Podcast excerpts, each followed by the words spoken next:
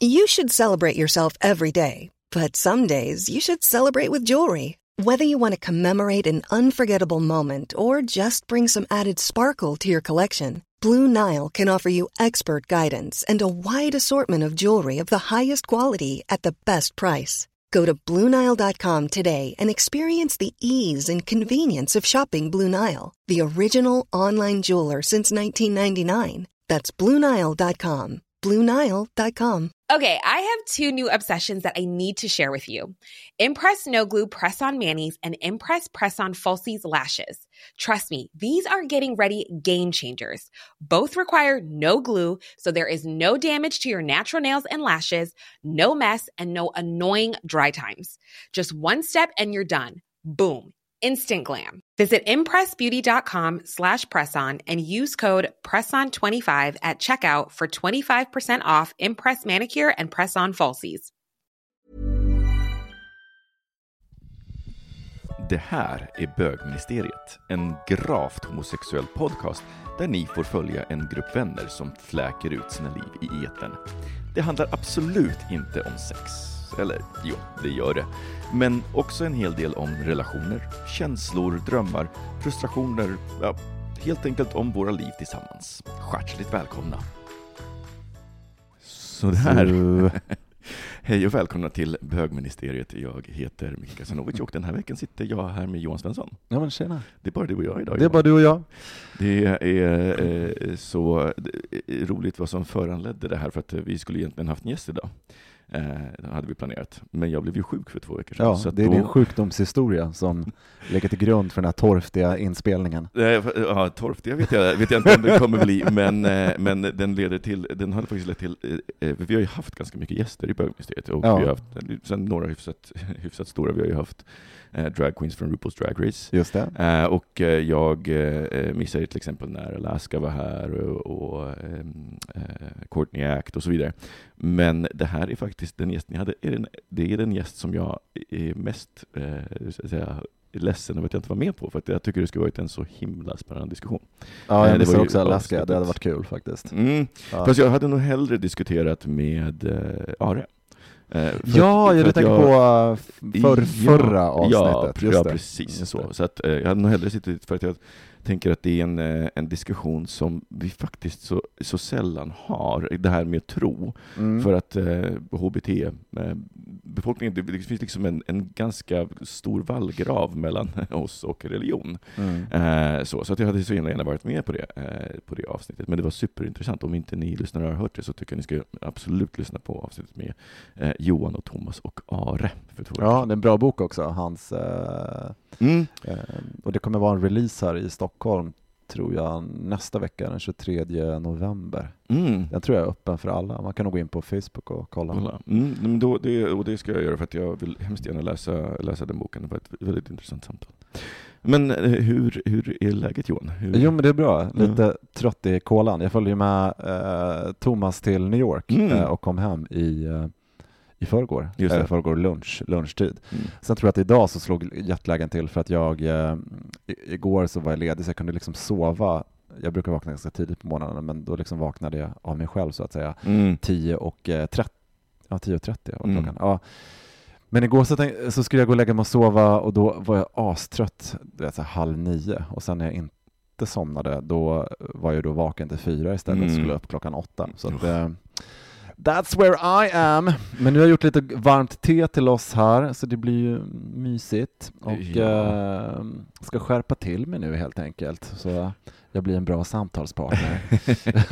Men jag, tänker, jag, jag, jag vet ju hur, det där är. Jag har ju, I och med att min sambo är amerikan så har det blivit en hel del eh, turer, i snitt två per år tror jag, fram och Mm. tillbaka till USA. Eh, och eh, just det här med jetlag är ju så, alltså det är, är också så här olika varje gång tycker jag, att hur den Ja, slår. jag tycker det är fruktansvärt. Jag hatar det. Jag, jag hatar att vara trött på det där sättet. Ja. Så att, eh, För jag känner mig dum, jag känner mig korkad. Ja, man, det blir lite bomull på, Ja, på, på alla, alla kanaler. Har du, har du några, några eh, trick du brukar köra med för att så, här, antingen förbereda dig eller för att eh, lindra jetlagen? Nej, faktiskt inte. Alltså, jag lider genom allting. Eh, det, det var, vi skulle, jag tror, först, vi kom ju dit, Vi kom ju dit på kvällen eh, på Fredag. fredagen och, eh, och på lördagen så gick vi ändå ut och jag tror så här att jag måste ha med mig någon som är redo att liksom pusha för är vi, är vi två latisar då är Just jag det. lat också så att säga. Men då var det Thomas, nej nu måste vi gå ut och så, annars hade jag säkert du vet, somnat och sovit. Så vi hade en väldigt kul kväll eh, på lördagen. Vi var ut eh, på Alan Cummings eh, gaybar i eh, East Village. Det var Mhm. skitkul. Eh, och, eh, och han var där själv. Det roliga var att Thomas visste inte vem det var. Eh, Så att han tänkte, men vem är den här eh, tröga gubben i baren? Alltså, Han verkar vara helt hög, han bara får ingen service och det så här. Jag bara, men det är ju ägaren av baren, det är Alan Cummings. Jag tror att det är hans personlighet som, eh, ja men du vet, när man är lite så ägare och alla Mm. andra jobbar där och han fattar säkert inte ens hur kassasystemet funkar Ja. kändes det som. Men det var en skit, ett skitkul ställe. Just det. Vad var det bästa med New York-resan? Jag tyckte det, den kvällen var väldigt rolig eh, för att eh, det är kul att eh, gå eh, på sådana här mindre lokala ställen, för det var ett ganska litet ställe, eh, Mm. även om det är känt i East Village och i New York förstås, men det, är ju, det känns som att allt är känt i New York. så, så på, det handlar mer om vad- man väljer att gå. Så det, var- det var, eh, så det tycker jag var kul. Det är kul att titta på folk och ja, vad, se vilka trender som rör sig där och vad folk gör och så. Så det, det var, det tycker jag. Sen Mary's, Mary's Fish Camp som en, en restaurang, den har funnits i flera år. Man jag älskar sådana ställen man inte måste boka bord på. Mm. Och det är en eh, restaurang i Greenwich Village som eh, eh, bara serverar fisk och skaldjur eh, med så enkla menyer med superbra råvaror och de har en rätt som är väldigt, eh, som deras eh, berömda rätt. Det är en eh, Lobster roll med, eh, med eh, French fries som är skitgod. Mm. Så dricker man lite bubbel till det.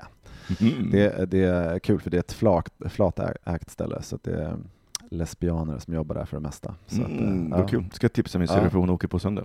Ja, till- så bra. York. Ska jag Mm. tipsa henne om, om det. Hon frågade mig om tips, men för mig så är det ju på riktigt nu. Alltså folk bara, men du har ju bott i New York. Jag bara, ja, det är sex år sedan. Nu Ja, liksom. Alla tips, för man brukar ju säga att New bara, York... det var sex månader sedan. så här, också så här, man behöver en update. Nej men på Ja. riktigt, alltså för att eh, New York förändras ju så himla fort. Eh, Mm. För att det finns ju så många olika, alltså varje liten stadsdel är ju liksom i rörelse hela tiden. Mm. Så att sex månader senare, jag blev lite förvånad över, för att mitt, mitt bästa tips från då var ju Sleep No More. Du har också sett det? Ja, eller? just det. Och jag tycker att Sleep No More är en fantastisk upplevelse. Jag, menar, jag, har, gjort, jag har haft den flera gånger och den blir liksom olika varje gång.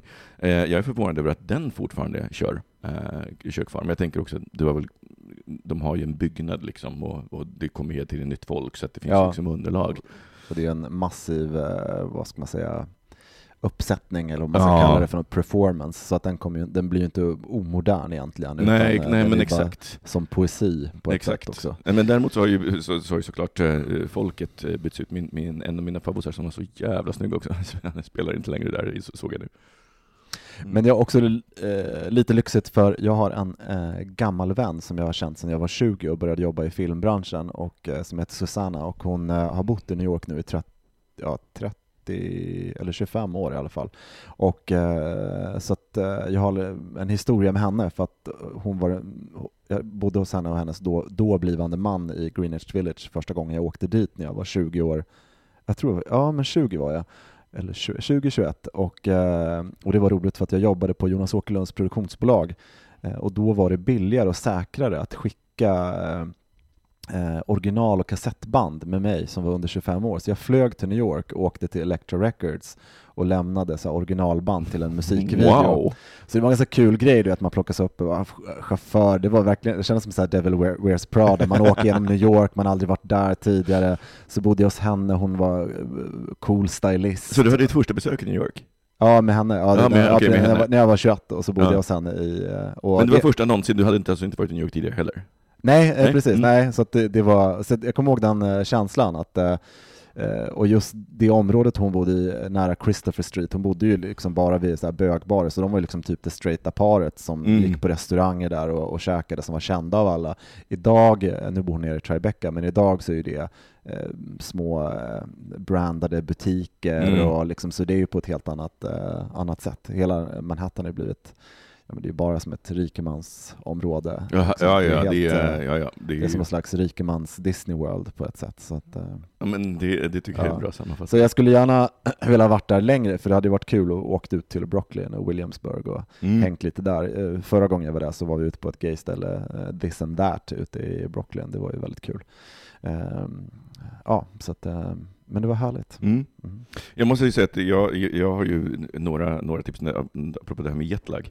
Eh, att eh, om man åker då till, framförallt till USA, så eh, ska man köpa med sig melatonin. Eh, för att det kan man köpa över disk där i Sverige, så är det receptbelagt. Och, och det, är, det är hyfsat harmlöst. Du kan använda det i ganska starka doser i, i minst sex månader varje dag utan att någonting händer. Mm. Eh, Men det är ju kroppens egen, eget sömnhormon och kroppen har ju liksom ingen koll på vad klockan är. Eh, Vi, vi liksom, det här med jetlag är ju en relativt ny företeelse. Vi Mm. har ju liksom inte haft det, vi har inte kunnat ha det Nej, förrän flyget gjorde sitt intåg för att man kunde inte resa så snabbt att man fick jetlag. Nej exakt. Eh, för jag menar, åker du med båt så hinner du liksom anpassa dig mycket, för det ja, tar sån tid. Ja.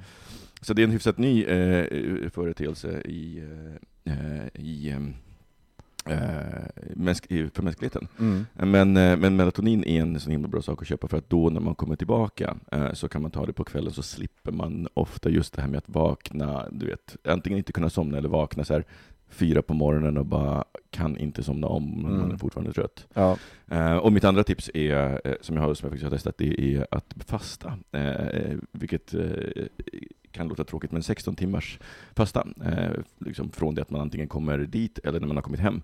Att man inte äter, för det ska återställa hormonsystemet. Och för mig så har det funkat så magiskt, framförallt när man kommer tillbaks. Mm. Att eh, jag inte, de två senaste gångerna när jag har testat det så har jag liksom, jag har inte haft sömnlösa nätter. Jag skulle kunna tänka mig att göra det på en längre resa, men som jag sa till dig, för du Ja. gav mig det här tipset när jag åkte, man är där som vi bara tre dagar.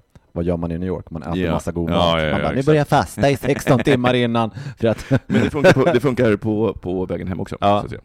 ja, tips och tricks. Mhm. Eh, tips och tricks. Och, eh, eh, ja, jag ska säga att jag mår, eh, jag mår, jag mår relativt bra, även om jag är inne i en, den här jävla ångestfyllda perioden. Så att idag har jag en bra dag. Igår hade jag en riktigt dålig dag. Men du pratar om en bra dag idag, när vi ses. Ja. Herregud, hade jag haft den här, den här eh, inspelningen igår så hade jag nog inte pallat. Eh, eh, på, på grund av det där. Så att, eh, men, men, eh, så att jag mår hyfsat bra. Hörru, jag tycker vi hoppar in i veckans avsnitt.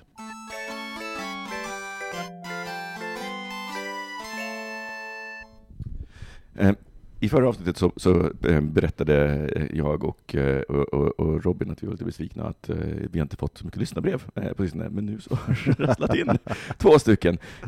Och jag tänkte vi börjar med det första som kommer från Lina Landström och hon skriver så här. Hej på er! Här satt jag på toa, fortfarande lite mosig i huvudet efter en dryg timmes lång tupplur. Scrollade Instagram och lyssnade på er med ett halvt öra, så hör jag mitt namn. Fick spola tillbaka och lyssna på vad det var ni sa. Haha, gullen. Du ser det man tjänar på att skriva brev. Precis. Det piggade upp efter en ganska ångestfylld vecka. Tusen tack för era fina ord. När jag ändå håller på, tycker ert samtal om onani och porr var väldigt intressant, men samtidigt vore det intressant att tänka på det ur ett könsperspektiv. Anser ni, att det vara, anser ni det vara lika stigmatiserat att prata om kvinnors onani, eller mer eller mindre? Personligen så känns det som att kvinnlig onani och att Eh, som kvinna prata om att man ser på porr är mer stigmatiserat än manlig onani. Kanske går det tillbaka till det där antagandet, stereotypen, accepterade sanningen att män är mer sexuella än kvinnor. Dessutom tycker jag att ni borde prata om gay conversion therapy to take the darker turn. Det är inget vi pratar om i Sverige för att vi gör något antagande om att det inte finns i Sverige. Om det är sant eller inte vet det fan dock. Undersökte ämnet lite i somras och hos RFSL är det inte en prioriterad fråga för att det inte varit ett stort problem i Sverige. Citat ur mejl med ordförande Sandra Ene. I samma mejl säger hon också att det finns en mörk svensk historia av att transpersoner fått terapi för att du ska bli bekväm i det kön du tilldelats vid födseln. Explicit olagligt är det inte i Sverige i alla fall, även om det till en viss del faller under våra lagar kring vård och terapeuter och så vidare. Boy Erased har ju börjat gå här i USA nu. Jag har själv läst boken och träffat författaren ett antal gånger när jag bodde i New York för något år sedan. Och jag ska gå och se filmen imorgon. Jag Rekommenderar boken i alla fall. Jag får vänta med att uttala mig om filmen tills jag faktiskt har sett den. Förhoppningsvis når filmen även Sverige så småningom. Apropå filmer så pratade ni aldrig om Love Simon efter att ha sett den, om ni nu gick och såg den. Puss på er, ha en fin vecka. Kram, Lina. Jag älskar lyssnare som har koll på det, för att jag trodde att vi har pratat om Love Simon. Men, ja, men jag blev så nyfiken på allting. Jag kände så här, men berätta mer Lina. kan inte du ta över det här avsnittet? Hon kan, hon kan, bli, vår, hon kan bli vår korre i, eh, vår utrikeskorre i USA. Var, var är hon någonstans i USA? Eh, vet du det? vet jag faktiskt inte. Nej, det får du berätta sen Lina, var ja. någonstans? Where are you Lina? Jag trodde det var New York, men, men jag tänker att nu i det här brevet så lät det ju inte så, eh, som det var så. Det roliga eh, med det där, jag tänkte på, jo, att jag eh, följer ju Vår tid nu eh, på eh, SVT, min mm. tand, tandkonfektsserie som jag kallar den, den harmlösa serien. Men där var det ju nu i senaste avsnittet så, han, så handlar det ju om att eh, en av huvudkaraktärerna, sonen i den eh, restaurangfamiljen, han har ju under seriens gång haft begär till män och haft sexuella kontakter med män. Och i det här senaste avsnittet som ligger ute nu så handlar det ju om att eh, han tar upp med sin fru, jag klarar inte här längre, jag måste göra någonting åt de här begären. Eh, så det är ett stycke, vad ska man säga, historia, för det här är ju eh, precis innan 60-talet och mm. han åker till ett eh, sjukhus. Så jag antar väl att det är något belägg för, eh, för de här scenerna rent eh, researchmässigt, att man erbjuder borde sam man säger att, man, att, eh, att det är en psykoterapi som skulle påbörjas, men också elchocker, mm. vilket också hade, som kan vara riktigt allvarligt beroende på vad det kan ju få mm. enorma biverkningar. Mm. Så att, sen är det lite cheesy den serien för att då helt plötsligt så upptäcker hans fru att han åkt dit i alla fall fast hon inte vill att han ska göra med elchocken och hon liksom kommer in i rummet precis på väg att få, de ska trycka på knappen typ.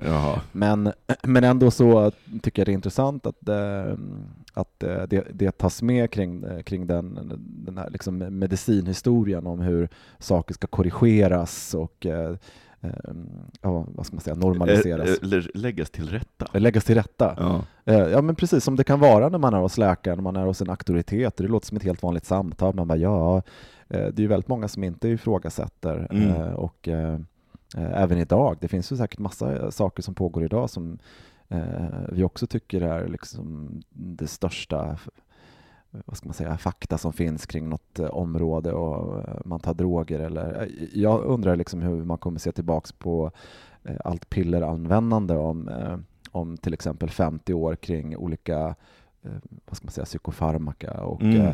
olika tillstånd, de här olika bokstavskombinationerna som ska behandlas på olika sätt. Det, vi kommer nog vända ett kapitel, liksom vända på Eh, bladen där till ett nytt kapitel och kanske titta tillbaks på det eh, på ett annat sätt. För jag menar, det var ju även i USA kritik när man redan började ge Prozac till barn i skolan som var lite vilda. Mm. Eh, att, Nej, men det, för det, jag, jag hade ett samtal med en psykiatriker i, i Holland. Som, menar, psykiatriker jobbar ju med då, den medicinska delen, så det är de som skriver ut den här typen av mediciner.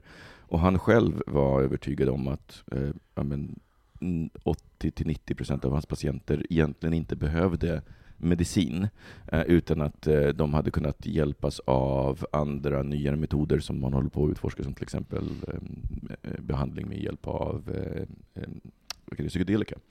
Eh, så LSD-assisterad behandling eller eh, i vissa fall MDMA-assisterad behandling. Eh, just det. Som i USA nu i, i studier Det är det man ser just med, med, med medicinalhistorien, att det, det, handlar väldigt mycket om moral och gängse normer i samhället och hur mm. det verkligen påverkar forskningen.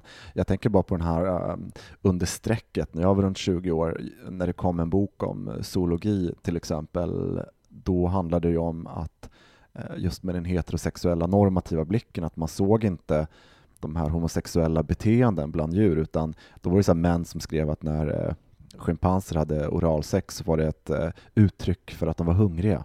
Eller alltså, dominans. Men det, ja, det är ett massa sådana där olika grejer. Mm. Så det är samma sak, vilket, vilket synsätt har vi på... Och samtidigt den här typen av självmedicinering som jag tycker på något sätt pågår, där folk ska medicinera sig på något sätt mm. eh, av olika slag, eh, där man också kan undra, är det för nu är det en väldigt stark förenkling att säga så här, men att man kanske inte vill, eh, man orkar inte med att bära smärta en vecka eller lida lite eh, rent psykiskt, utan Mm. man, man, man tål ingenting nu för tiden, utan eh, livet ska vara lätt och glatt och eh, lyckligt hela tiden. Mm. Eh, istället för att vä väga in att eh, vi har olika cykler eh, eh, under ett år där vi är glada, ledsna, eh, alltså alla, alla delar av oss själva måste ju få Nej, men, komma och, till uttryck. Men jag, och så här, jag, jag, jag, jag, ser det ur det perspektivet, men samtidigt nu med mina erfarenheter i, liksom, under den senaste perioden så måste jag också säga att det finns, alltså jag tror aldrig att jag har fattat hur, om, man, om man backar bandet och tänker på eh, internaliserad homofobi, det kan Mm. jag så här, i hindsight se att jag led av och fortfarande till viss del Ja, liksom kan, kan dyka upp.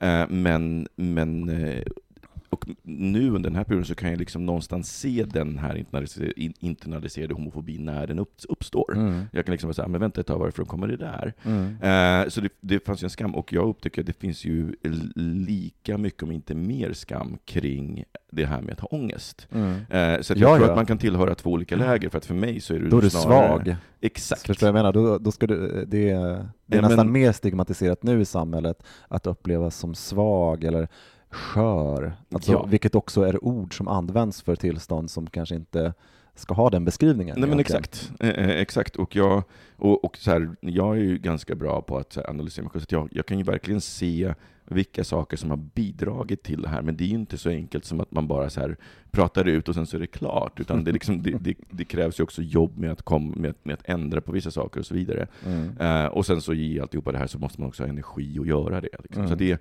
ja, eh, och jag tänker så här, jag är ju fine, så här, jag, jag har ju varit, länge varit fine, jag har många kompisar som har det, men du vet så här, det, det blir verkligen här, nu Mm. vänta ett tag, när det kommer till mig själv, nej nej, då upptäcker jag verkligen hur jag har internaliserat den här skammen kring eh, att vara svag Mm. och liksom, sådär. Mm. Jag tycker det. Eh, det är någonting som, som, som tål och diskuteras.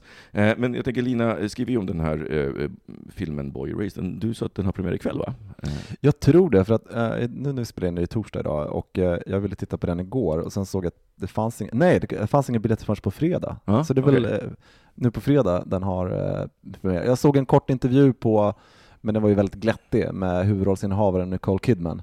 Eh, så att det ska bli spännande att eh, se den, för det där har jag också upplevt som ett väldigt stort amerikanskt Mm. fenomen just för att det finns så starka religiösa eh, strömningar och grupperingar i USA. Ehm, så att det är kanske är därför som det är en lågprioriterad fråga, att det inte finns riktigt i Mm. Sverige på samma sätt. Eh, och eh, sen vet man inte, det kan väl finnas någon mossig gammal Mm. psykolog eller något liknande som fortfarande under sin utbildning har, tror på eh, homosexualiteten som en neuros eh, och eh, försöker behandla det. Det har jag ingen aning om. Men jag tror att hon har, att, att hon har rätt att det, det, jag tror att det i Sverige i så fall är vanligare att transpersoner råkar ut för det än HBT-personer. Mm. Nej, HB-personer, gud. Du hör ju. Eh, men, men, Och jag här trött så jag kan inte ens korrigera det. Jag bara, vad sa han för? Jag bara hörde bara A, B, C, D. precis det. Nej men så homo och bisexuella tror jag, jag, jag, jag men däremot så transperson, för att jag, jag vet ju inte i och med att jag inte har den erfarenheten, men jag kan Nej. föreställa mig att det är eh, en, eh, finns en, en mindre uppdaterad syn på, Ja. på många ställen, så jag kan, jag kan tänka mig det. Men vad skulle jag säga, det, eh, det var ju intressant. Det- fanns ju på qx.se eh, såg jag också, men det var när jag bara googlade lite om eh, olika eh, gayhändelser och det var ju den här idoldeltagaren på Malta som berättade berättar att han, när han hittade Gud så blev han heterosexuell igen, så försvann hans Ja, det var så sjukt. Sen också så här när man tittar på sånt där klipp och känner att någon är bara så här kryptonit-gay. Det bara Mhm. radiates gayness. eh, och, så känner, och det, det är så sorgligt någonstans också. Ja. Sen hade de klippt bort det tror jag, jag vet inte hur, eh, och han hade eh, ja, blivit jättearg över det. Och, så här, men, samtidigt, det, ja, det är bisarrt och så sorgligt någonstans när, eh, när den där typen av förträngning eh, eh, sker. Mm. Just att man har hittat Gud och sen så försvann alla, eh, alla Ja, jag tänker, jag tänker det, är- det är ett eh, superbra exempel på just den här kilen som finns inslag, eh, inslagen mellan HBT, hbtq-personer och eh, religion. Mm. Eh, den slår ju in den ännu längre, att det är så här, Ja, det ja, men om du bara skulle hitta Gud. Och, Ja. och det är såklart, vem vill då hitta Gud? om, om man är så här, jag älskar vem jag är. ja. Ska jag hitta Gud och liksom, vadå, bli någon annan då? ja men exakt. Så att det, ja, Eh, intressant. Ja. Eh, Men du, eh, hon, hon, frågade, eh, hon frågade också om eh, eh, Love Simon. Och Ja. den såg du på flyget? ja, jag såg den på flyget. Eh, Den gick väl på bio här i Sverige också? Det, det, gjorde, jo, men det Ja. måste den ha gjort. Jag såg den Ja. också på flyget Mm. när jag flög till USA senast. Mm. Och, och, så berätta, vad tyckte du? Ja, vad tyckte jag? För det första ska jag säga att jag läste sen att det är egentligen den första eh, vad ska man säga, gay-ungdomsfilm med den här typen av tema komma ut som har gjorts av en stor filmstudio i USA någonsin. Mm. Eh, det var ju intressant, för det visste inte jag. Jag tänkte väl att något eh, ska väl ha spluttat ut från någon, någon eh, liksom större, Ja. eh, ett större produktionsbolag, utan mest att det varit indiefilmer och eh, ja, med mindre snäva filmer som har eh, kört den här typen av historier. Eh, och den handlar ju om eh, en eh, tonåring, eh, kanske vad kan han vara, 17-18 kanske, som Mm. bär på sin hemlighet att han är homosexuell eh, och eh, svart, eh, vad heter det, Gud, jag, bara black, jag kan inte prata, jag bara, eh, vad heter det, utpressas. Ja, precis, utpressning. Ja, ut, han får en utpressning av att, att han att outas av en klasskamrat och eh, för att slippa det ska han få den här tönten att eh, dejta någon av hans tjejkompisar. Och sedan så parallellt då så eh, de har väl något intrawebbsystem på skolan vilket gör att där folk skriver olika saker på anslagstavlor. Han Just det. liksom mejlas med en kille, de är anonyma inför varandra. Mm. Eh, och, och sen, ja, sen kommer han ju ut och allting slutar gott ändå. Ja. Så att ja, vad ska man säga om det? Det var, ju väldigt light. Eh, alltså det blir ju på något sätt också, jag vet inte om det är utifrån ett, ja med mitt perspektiv, även om vi matas mycket med amerikansk film, men det känns som att den där filmen kändes så otroligt, den var ju liksom en lägre nivå än fucking Åmål på något sätt. Det var Mm. liksom, alltså, eh, Den, var, den var inte, alltså fucking Åmål beskriver ju eh, tonårsångest också. ja exakt. På ett sätt som den här, eh, den, den här har liksom den här amerikanska Det var liksom. Frosties-reklam Ja. samtidigt som det var, Mm. som det var gay-tema. Det var liksom så här, Nej, men var- vacker den- nej, men var- familj och alla var så här perfect. Det var liksom inte en enda ful människa i hela den där Ja. Eh, alltså det var, ja men du vet, det var, det var verkligen tvättmedelsreklam. Mm. Eh, man bara, mamma jag har fått en fläck på min tröja. Det var lite så, hon såg ut så här, bara, kom kära du, det här tar vi hand om. Och, och varje, det var också så heteronormativt, hela den här familjen med den här dottern, eller hans lilla syster som hel, höll på och lagade mat. Så varje, liksom I varje scen i det där köket så serverade hon frukost. Mamman lagade aldrig mat för att hon var så passionerad, den här 11-åringen, att göra plättar och det ena och det andra. Eh, Så att, eh, och sen hade jag läst innan om att det var en fin scen mellan far och son. Mm. I, I och för sig, det var en fin scen, men det var också, för mig det var så light allting. Mm. Och jag vill inte heller på något sätt kritisera filmen, för jag tyckte att det var en trevlig film ändå. Men det var lite som den här Hallmark-kanalen i USA, du Mm. vet, för hemmafruar. Eh, Men jag tänker, i, alltså, jag, jag, eh, nu när du säger att det här var den första filmen från en stor studio som berör komma ut och så vidare, ja, eh, så jag blir inte så förvånad, därför att det, det ligger verkligen i, i linje, för att de släpper ju bara saker som är väldigt säkra, där man inte kommer att alienera en mainstream-publik, eh, utan man vill liksom, man vill ha det liksom light. nej, vi fortsätter vara vackra, vita och friska. Ja, Trots och, att vi- men, och, och, och jag tänker att, att eh, varje gång som man gör någon typ av film som tangerar ett utanförskap, Mm. ju mer verklig man gör den, desto svårare blir den och desto Mm. mer otillgänglig blir den. Mm. Eh, så att någonstans så kan jag väl tycka att vi har väl i alla fall kommit hyfsat långt när en mainstream-studio släpper en, en eh, film om en komma ut-film som också är en feelgood-film och som jag tror att många tonåringar behöver se.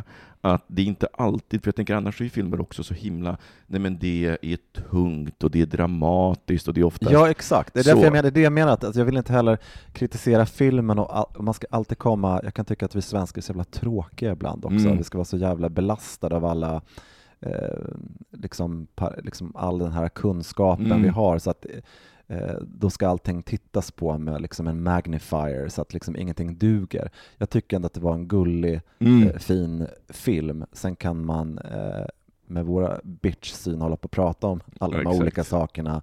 Eh, vita pojkar, vackra och de här grejerna. Men, men samtidigt så här, det är, för en ton, tonårspublik så är det väl här en, eh, som du säger, en feelgood-film där eh, egentligen är ganska harmlös och lite Nej, men jag tycker den är också Ja. inspirerande, för att härom, faktiskt häromdagen så eh, såg jag ett inlägg från en, eh, på, på ett forum för, för, faktiskt för bögar, men Mm. från eh, en mamma som Mm. hade tagit sina barn på, på att se den här filmen. Mm. Och hennes son hade kommit ut efter den. Ja men det är ju för sina- ja, men för sina syskon. ja men du, ja, och så, så postade hon, de hade du vet någon så här amerikanskt, någon så här tavla hemma, de skrev meddelanden och alla hade varit så här dagen efter, Nej, men- bara så här, så här, love you. Det är supergulligt. Det, och det, jag tänker att det behövs, alltså de här berättelserna behövs, och vi behöver också Men- inte bara de här tunga berättelserna som Nej, Boys och det Don't är, Cry och... Det är en, to- sen var det, det är en tonårsfilm. ja. Det, det får man inte glömma. Så, Exakt. Jag, så att jag tycker att eh, det som man gö- gjorde lite eh, smart i den, det är att eh,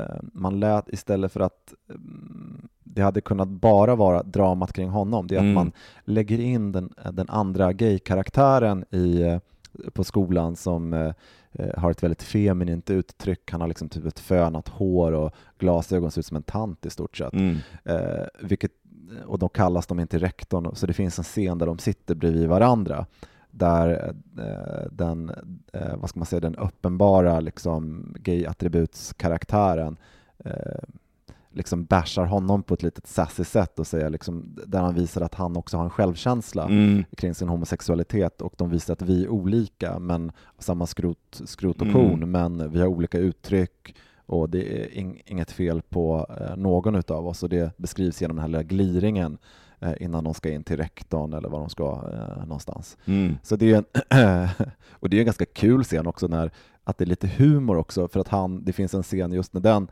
den är, det är en svart kille liksom med svart eh, parsfrisyr eh, när han berättar för sina tjejer ute på gräsmattan så här, eh, jag är gay, säger han. Och alla ska liksom vara så här snälla och liksom bara, men gud, jag visste inte. Och sen så är det en som överdriver, men gud, jag hade ingen aning. Och sen bara, eh, så är det en, en tjej som är lite så komedi, så här, men that's too much.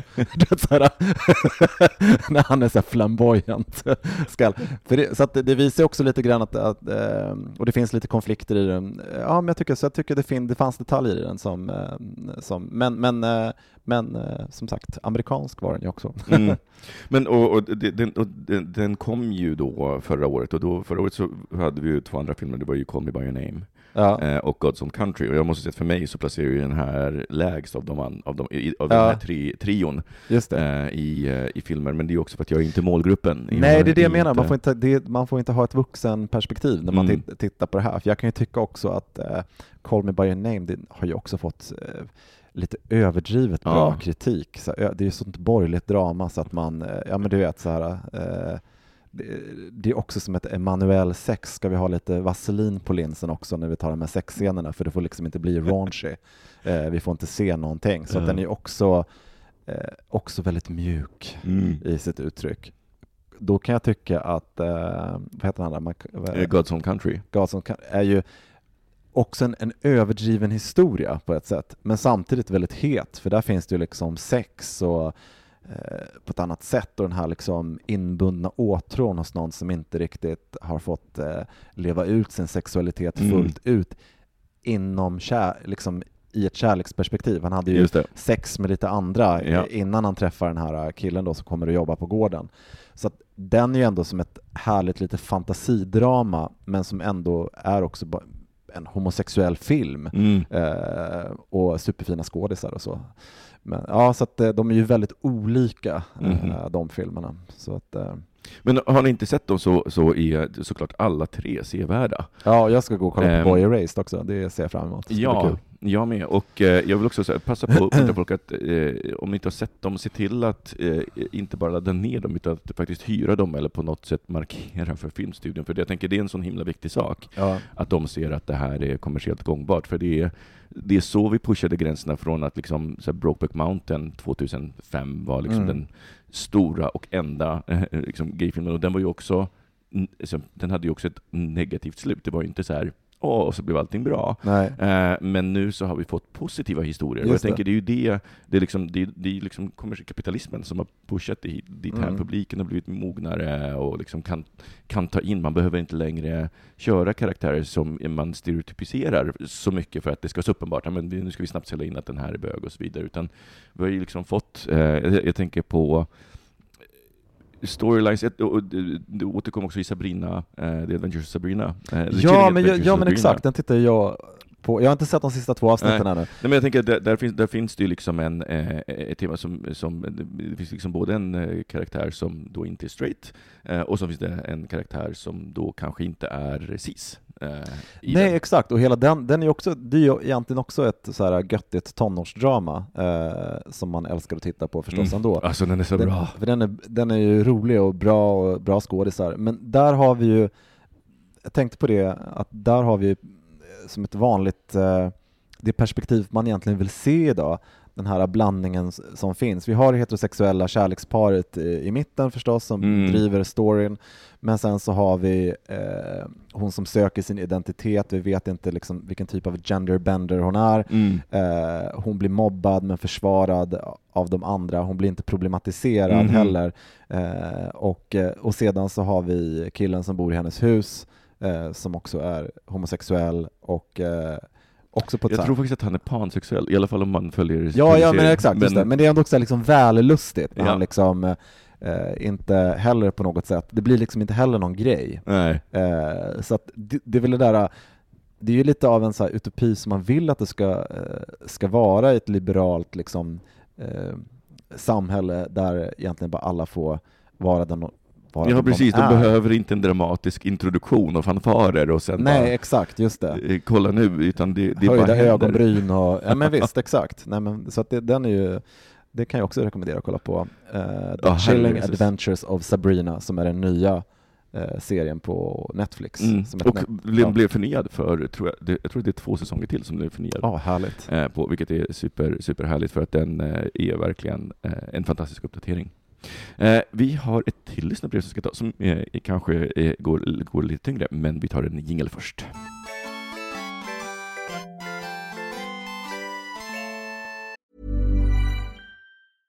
Ryan Reynolds här från Mint Mobile.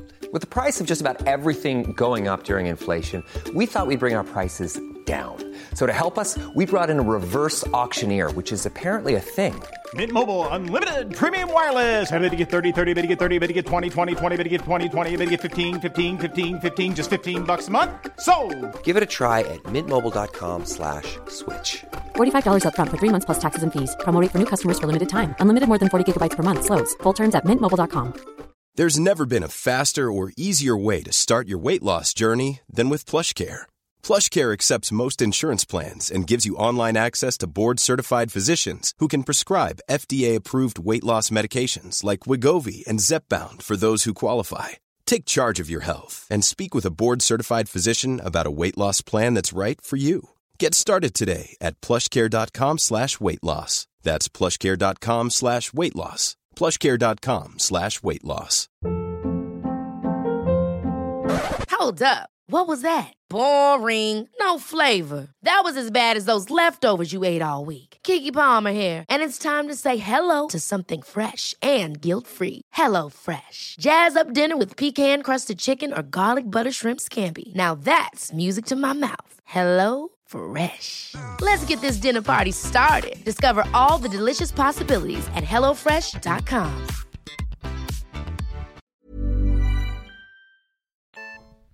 Okej, brev nummer två idag. Eh, och då är ämnet sexångest efter avslutad relation. Så lyder eh, ämnet och ingressen. Hej kära bögministrar. Först och främst vill jag innerligt tacka er för, att, eh, för, att ert, för ert arbete med podden.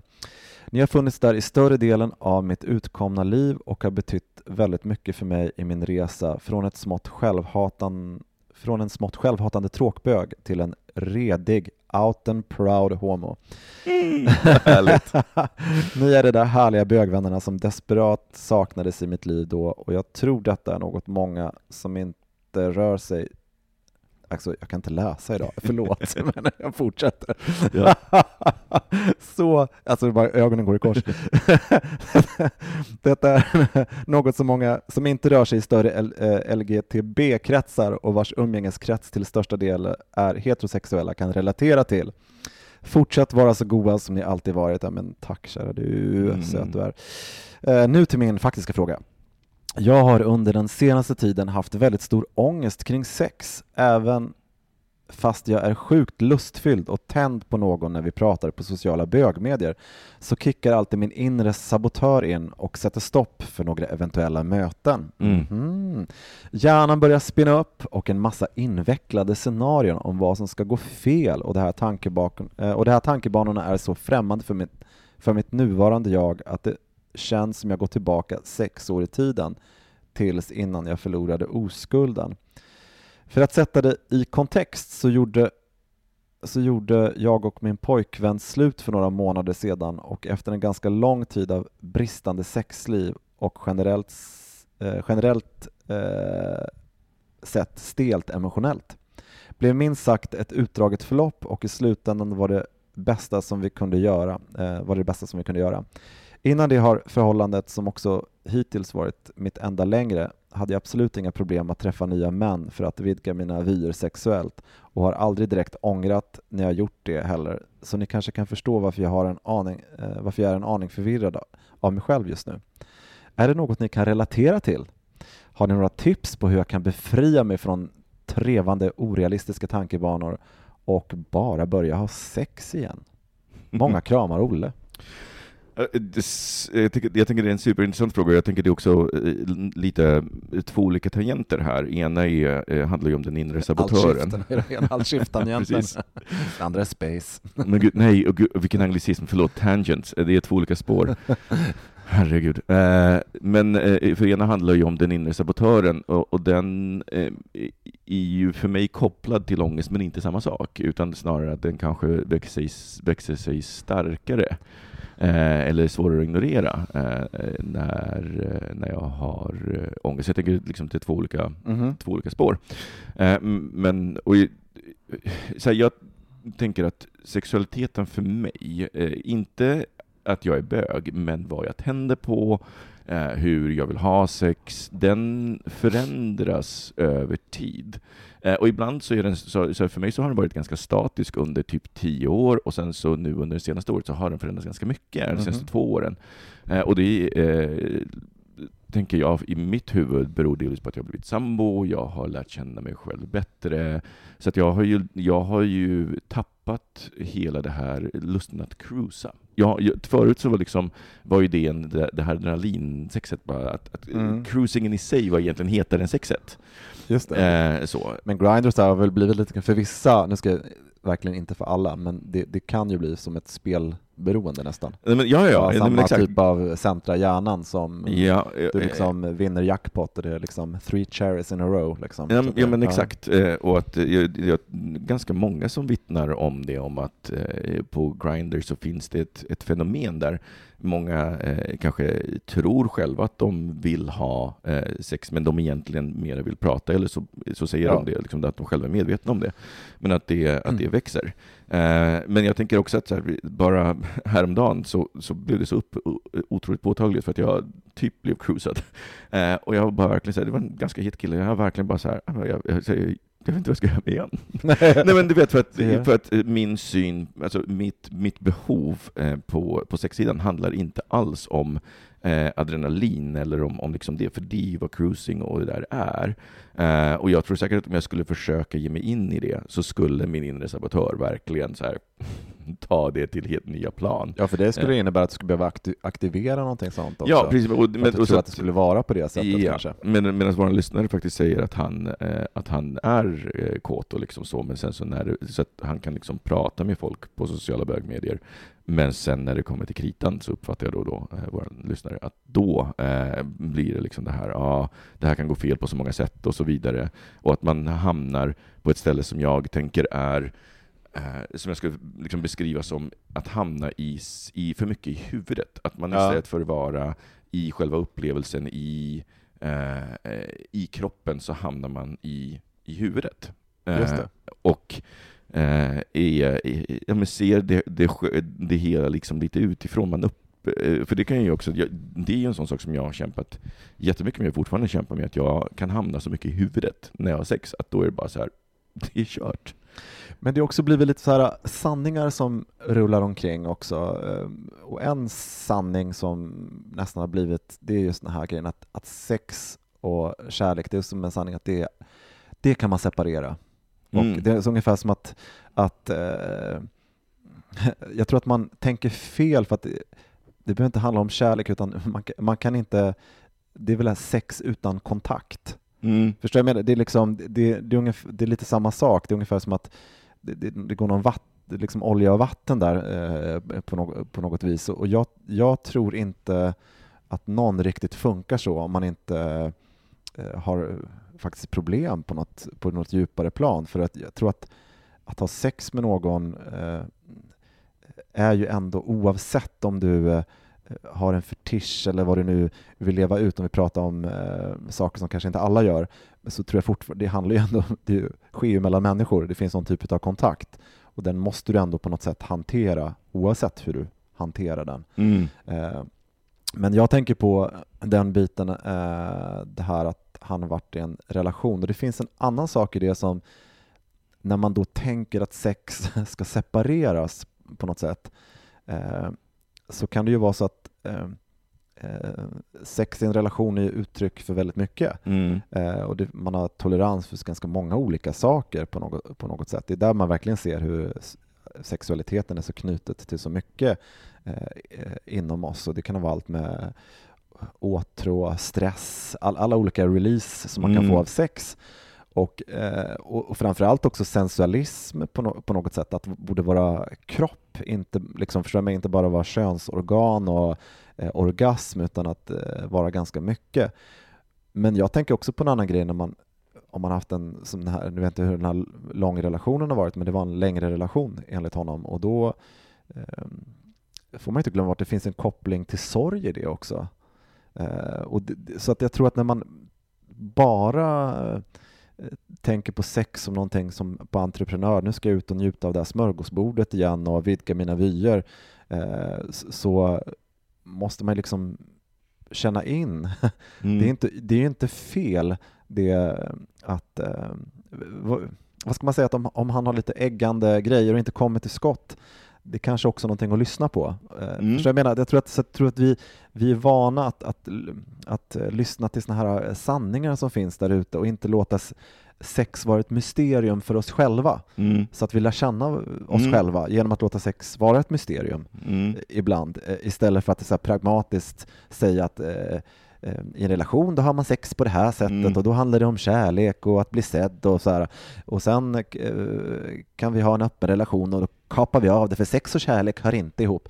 Medan man vet att det, blir jätte, det finns jättemånga olika high and lows eh, och det är inget fast begrepp eller så att jag tycker att, eh, att eh, nummer ett, jag tycker inte det är ett råd, men jag tycker ändå att alla människor som hamnar i någon slags stillestånd eller vad man ska kalla det för, så är det ju väldigt viktigt att vara lyhörd in, in, inför sig själv och kanske hitta lite vila i det. Mm.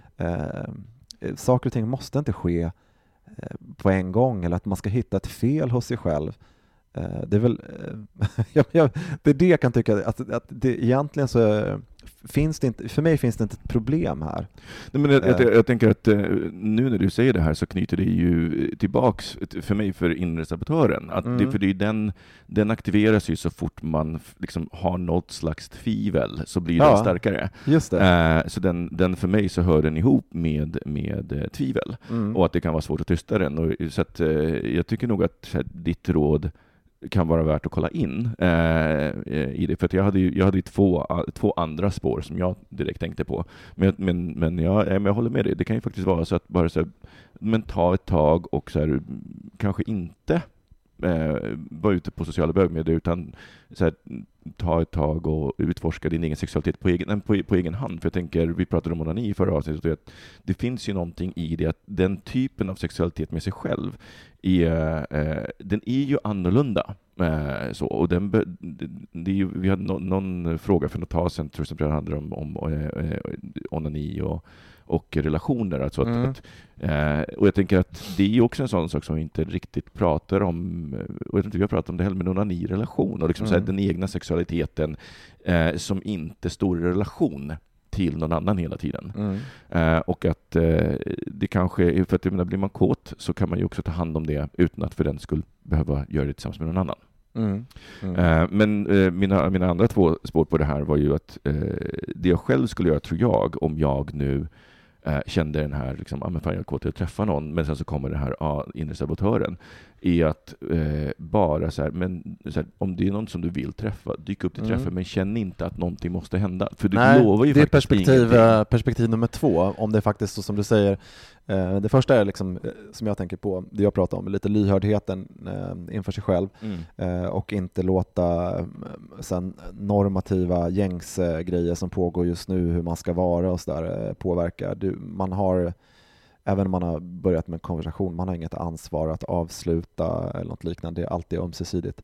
Eh, Men sen när jag tänker på den inre sabotören så är det en annan sak också att, eh, att eh, det kan ju också vara så att man kommer i ett, i ett läge där man känner sig sårbar igen Mm. till exempel och då kanske det inte är en inre sabotör egentligen utan det är som du säger, det kan vara tvivel och att räcka till och sen helt plötsligt så, som du säger, när man eh, mognar och, och kommer vidare så kan det ju bli eh, nya svårigheter. Jag tänker på ibland som skådespelare som säger att deras rampfeber blir värre med åren Mm. eh, därför att man kan ha det här naiva när man börjar Just med det. någonting, upptäcka glädjen, Just nyfikenheten, ja. man har liksom noll koll på grejer och eh, man har gjort alla möjliga knassaker, men sen det plötsligt när man har erfarenheten och förstår eh, konsekvenser av olika saker och helt plötsligt att eh, nu kan någon titta på mig på det här sättet Mm. så skapas ju ett, eh, så kan det skapa ångest och tvivel eh, och eh, sen kan man kalla det för en Man inre- behöver leva upp till bilden av, i sin egen bild av sig själv. Ja, ja men precis, Ja. exakt. Och att, ja men precis, det finns mycket som är sårbart i det. Och då kan jag tänka mig att, så att den inre sabotören kan väl vara att man inte får modet att komma till skott egentligen Mm. då. Men samtidigt så är väl det en process det också. Så att, eh, att, att eh, det är som att vad ska man säga, hoppa trampolin från femman, du börjar inte med det på direkten. Och det där tror jag går i cirklar i våra liv. Då får man börja på ettan, hoppa några gånger Ja. som han gör nu, snacka lite, känner sig lite Nej, kåt, för- för jag gå upp tänker- till trean. Nej, för jag tänker också att du, du, sätter, du sätter fingret på en annan sak, det här jämförelsen med sig själv för ett antal år sedan. Ja, Och jag tror, eh, ja, du, du sätter fingret på det, att det egentligen är orättvist också att jämföra ja det är det. med den, för att man, eh, man förändras och ofta så sker den här förändringen så gradvis, och framförallt om man har varit i en relation, ja, så har man ju under den tiden även förändrats, inte bara i relation till den andra personen, utan också som, så, så individuellt som person. ja, ja, man förändras ju av alla möten i livet Ja. liksom, och gör någonting utav det hela tiden. Eh, Så att, eh, så att jag tror att eh, jag tror verkligen att det, är mycket man måste öva om hela tiden. Annars blir det ju ingen, utveckling heller. Så Nej. att, så Men, att, så att jag tänker om, om man då ska ta det spåret så skulle jag då eh, verkligen så här, för jag tror det finns, det finns att när man stämmer träff med någon, att det finns liksom någon slags tanke att det finns ett implicit löfte att nu ska vi göra det här, det är Mm. liksom, nu committar jag. Men det gör man ju inte, utan det är ju för mig så committar jag först när vi har träffats fysiskt. För det är först då som jag Ja, vet. och sen en annan grej som jag tycker på, det här är ju liksom min fördom eh, när jag tycker Grindr, de här, eh, det finns den här alla ska veta vad de vill. Mm. Förstår du vad jag menar? Det, är, ju- det, är ju liksom, det finns ju inget trevande eller sensuellt i det egentligen. Mm. Bara, jag är passiv, jag är aktiv, kan du komma hit med din stora kuk? Alltså det är, den här, det, det är inte det, det är det som jag tror får många liksom att avvakta istället för om man är som honom, kanske är kåt, vill ha ett sexuellt möte, men då finns det ingen öppenhet i de här Just det, kanalerna menar. för att egentligen bara se vad som händer. Mm. Eh, det, är, det är ingen tolerans för Mm. det alls. Liksom. Det, det kan jag tycka är, det tycker jag är lite synd. Jag, utan det blir liksom att då, det är liksom som ett kartotek av dildos på något sätt, eh, med, av kött och blod som ska komma och tillfredsställa dina behov. Och då ska du också tillfredsställa någon annans behov, så det är väldigt ego eh, på det sättet. Och det tycker jag är det, istället för att egentligen känna att man är sugen på sex och inte veta var det hamnar. Om det blir hångel och runk eller vad fan man nu gör för någonting. Eh, Men jag kan förstå om det ska triggas upp till en leveransnivå. Man är liksom the pizza guy som ringer på dörren Ja. och eh, jag har beställt en pizza med pepperoni och, eh, och nu fick jag inte det. Så att jag vill ha pengarna tillbaka. Det blir transaktioner. Eh, Så det, och det är svårt att komma runt. Nej, men jag. jag, jag, jag, tror också att, eh, för, för, för det, det du pratar om, det är ju det som Robin, eh, vår eh, medminister, också pratar om, för han är ju mer liksom så här, regissera exakt scenariot. Och jag tänker, det är ju ett sätt om man verkligen vet. Alltså, det här är vad jag tänder på, och liksom någonstans, för att det, om man ska ta det här, det här hämtpizza, ibland kan man bara veta exakt vilken pizza man är sugen, exakt vad man är sugen på. Men så kan man vara bakis och bara säga, gud, jag, jag är hungrig, men jag är inte riktigt säker på exakt vad jag vill ha på. Eh, och, och så det blir liksom två olika approacher, för vet man vill ha, då kan man ju liksom istället regissera det. Ja, men vi vet ju också när vi beställer från Uber att vi är lata, för vi vet att vi kan laga mat också. Ja. Så det är lite samma perspektiv, att eh, det, det är mi, mi, mi som gäller och Mm. det är svårt eh, att det skulle kunna bli något annat typ utav, utav möte och jag kan förstå att det skapar en osäkerhet, för det finns väl jättemånga som, eh, som vill ha något annat typ av möte än det där, men jag tror att alla är väldigt styrda av den grejen och känner sig tvungna att komma in i någonting. Eh, ibland vill man bara få till ett möte, så då går man med på det där, fast egentligen så vill man göra eh, lite annat eller möta något annat. Mm. Men, eh, så att, om man nu ska prata om eh, de här apparna när det gäller bara sexuella möten, Mm. så, eh, så jag kan tycka att det blir lite av en inlåsningseffekt eh, i det. För det är väl, det är inget, som du säger, om, om, om man säger att det här är det jag vill, eller om man regisserar sitt, så är det ju också en väldigt specifik grej och då får man väl de människorna som passar exakt. till det. Men jag tycker att det har nog blivit så kring eh, gemene, gemene man, att man ska eh, presentera en schablon och en, en karaktär och eh, vad ska man säga, sälja sina bästa, eh, bästa sidor eh, på något sätt för att det ska bli en snabb hook. Mm. Nej, men då, så, att, så att om man då väljer de här två andra spåren så tänker jag att antingen så, så, om man då ska träffa någon, det är att man antingen är öppen med att så här, jag vet inte, jag vet inte exakt vad jag vill, det beror på Mm. liksom när vi träffas. så Att man är Noll tydlig. träffar.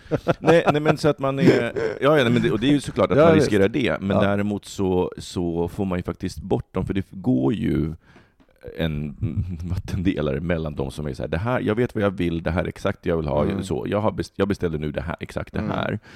Och den är inte kompatibel med den andra synen, att säga jag vet inte riktigt vad jag vill, jag vet att jag vill någonting, men ja, det, det kommer att ske i mötet. Mm. Och jag tror att bara man är tydlig med det, så gör man det också lättare, eller nu går jag utgår från mig själv, men det skulle göra det lättare för mig, för då skulle jag Mm. inte känna så här, nej men fan, nu har jag ju committat till det här, för vi pratade ju faktiskt om det Mm. och då och kände att jag måste göra det. Eh, och det skulle, för min del så skulle det ju verkligen sätta igång, för jag bara, men tänk om jag inte har lust att göra det då? Eh, Mm. för jag, kanske för att jag inte har så bra koll på min sexualitet, eller så är det någonting annat. Men, Mm. och det tredje är ju då att faktiskt bara här, gå in, om man vet att det här är vad jag vill ha, att regissera det, men jag tycker inte att vår lyssnare låter som om han liksom kanske riktigt är den här regisseringstypen. Nej, kanske inte. Och det, det, men eh, ja, det, jag, jag tycker det är lite klurigt det där. Med, eh, så jag kan förstå att det blir eh, man är kåt och vill ha, vill ha sex, men man har något annat nu för tiden än vad man hade då för sex år sedan, när det Mm. var liksom mer en man hade, var på ett annat ställe i livet helt enkelt. Ja, för, för ibland tänker jag också att, att eh, kåthet för mig kan också vara just det här när sexualiteten förändras, att det blir snarare så här, men vänta, att, att jag blir liksom någonstans påmind om att vänta, jag borde vara kåt i den här situationen, för det var jag förut, men Mm. nu är jag inte det. Nej. Eh, och sen så blir det en hel grej, att Ja. bara börja analysera det, bara, men vänta ett tag. Man måste skaffa en fluffer nu för tiden för att liksom få igång, få igång allting. Så här. men- Men, fan, jag blir inte kåt längre. Fan. Nej, men för, för, att, för att om man sen pratar om, om, eh, om andra saker, för att just det här om man vill göra någonting, men du vet när inre sabotören sätter igång, och när det gäller sex, så, Mm. så kan ju det bli ett självspelande piano, för att Mm. eh, vårt största sexorgan är ju hjärnan. Mm. Eh, och då, om hjärnan sätter igång, då kan det ju vara rätt att man så här, inte får upp den. Mm. Och då är det helt plötsligt, då blir det en grej också som Mm. ytterligare spär på den här, apropå inre kritiker, och, liksom, och sen bara oj, det här funkade inte, och tänk om det händer igen. Och, ja. Ehm, och då tänker jag att eh, det, alltså faktum är att Viagra och Cialis, alltså den här typen av, av hjälpmedel, de finns faktiskt. Mm. Eh, och de är dessutom inte subventionerade, så att, så att man behöver inte känna att man är en parasit på samhället om man nu, om man nu går till läkaren och, och, Ja. och, och vill testa.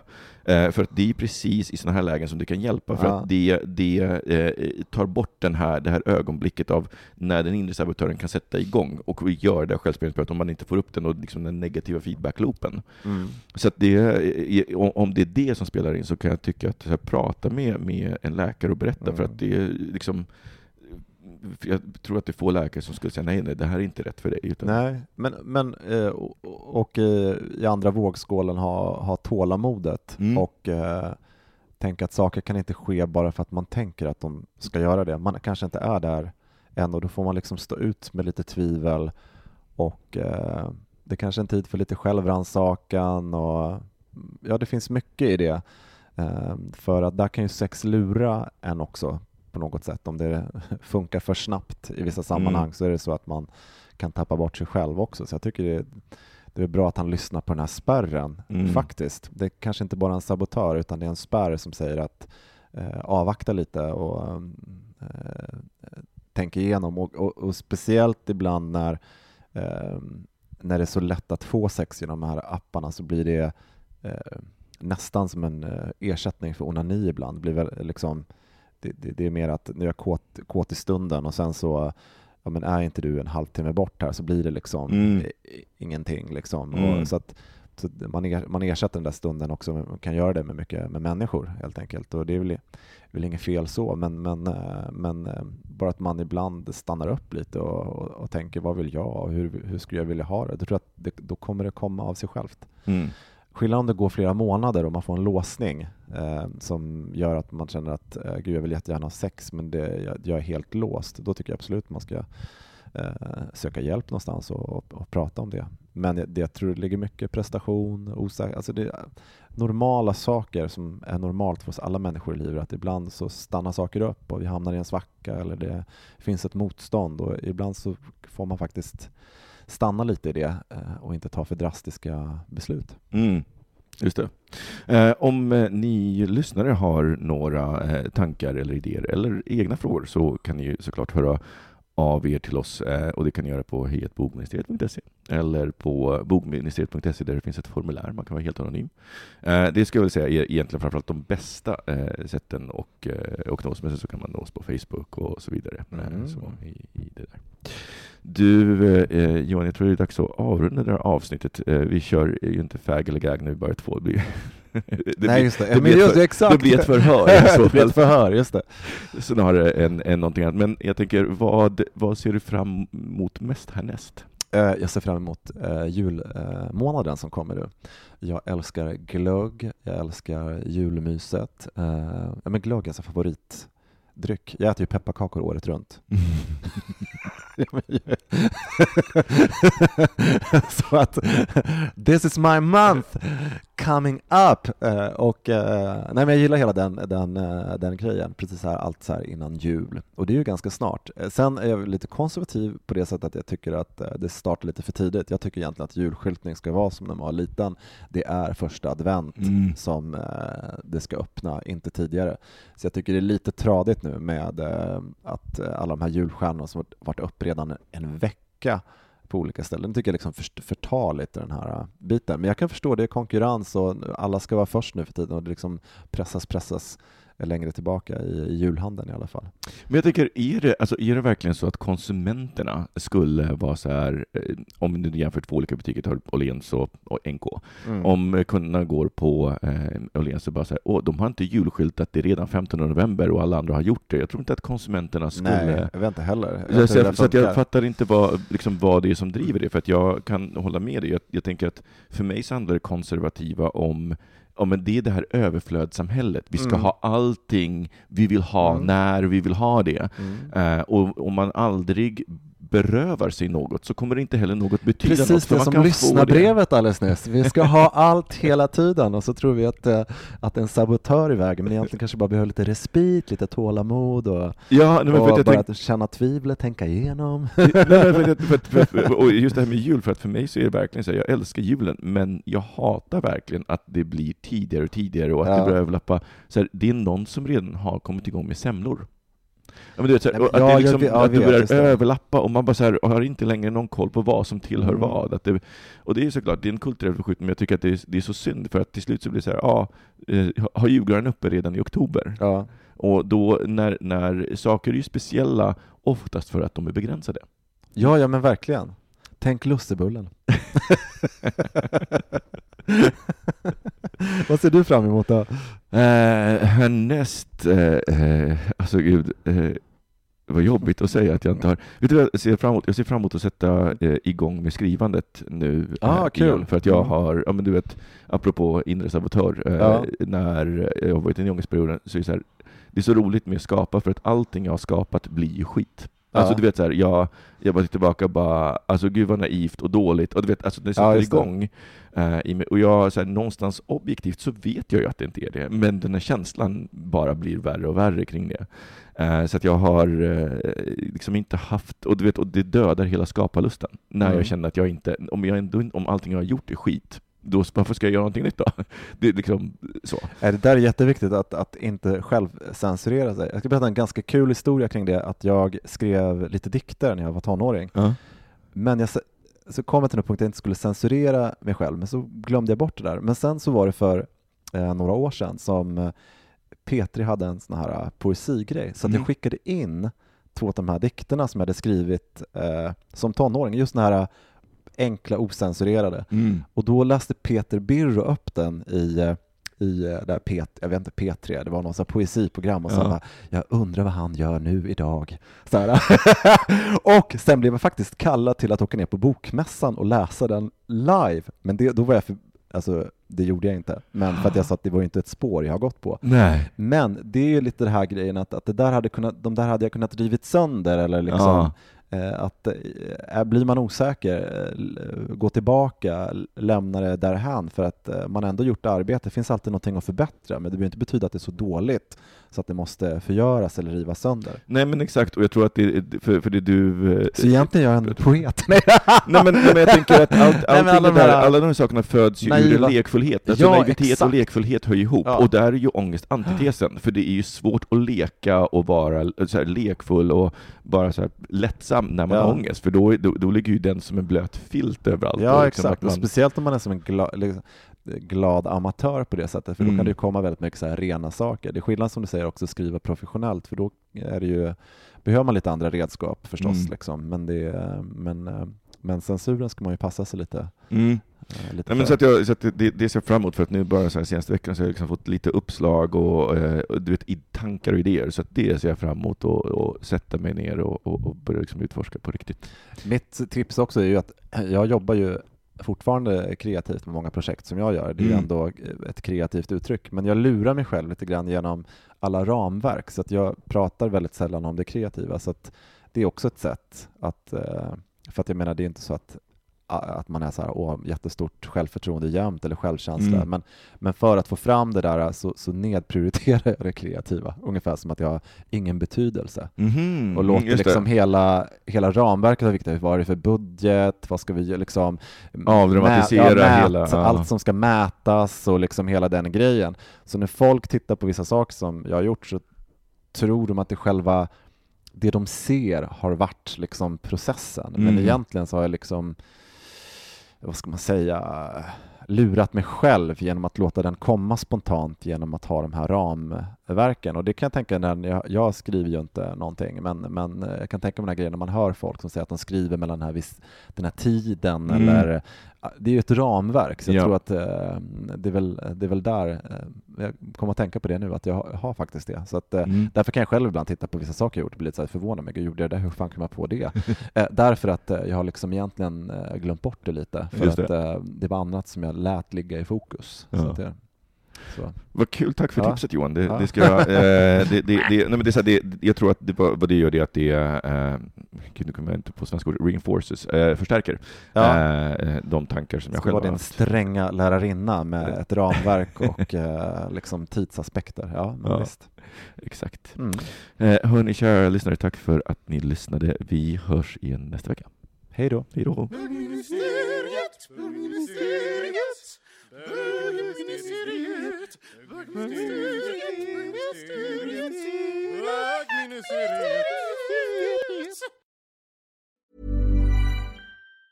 Mom deserves the best, and there's no better place to shop for Mother's Day than Whole Foods Market. They're your destination for unbeatable savings, from premium gifts to show-stopping flowers and irresistible desserts. Start by saving 33% with Prime on all body care and candles. Then get a 15-stem bunch of tulips for just $9.99 each with Prime. Round out Mom's menu with festive rosé, irresistible berry chantilly cake, and more special treats. Come celebrate Mother's Day at Whole Foods Market. Mom deserves the best, and there's no better place to shop for Mother's Day than Whole Foods Market. They're your destination for unbeatable savings, from premium gifts to show-stopping flowers and irresistible desserts. Start by saving 33% with Prime on all body care and candles. Then get a 15-stem bunch of tulips for just $9.99 each with Prime. Round out Mom's menu with festive rosé, irresistible berry chantilly cake, and more special treats. Come celebrate Mother's Day at Whole Foods Target.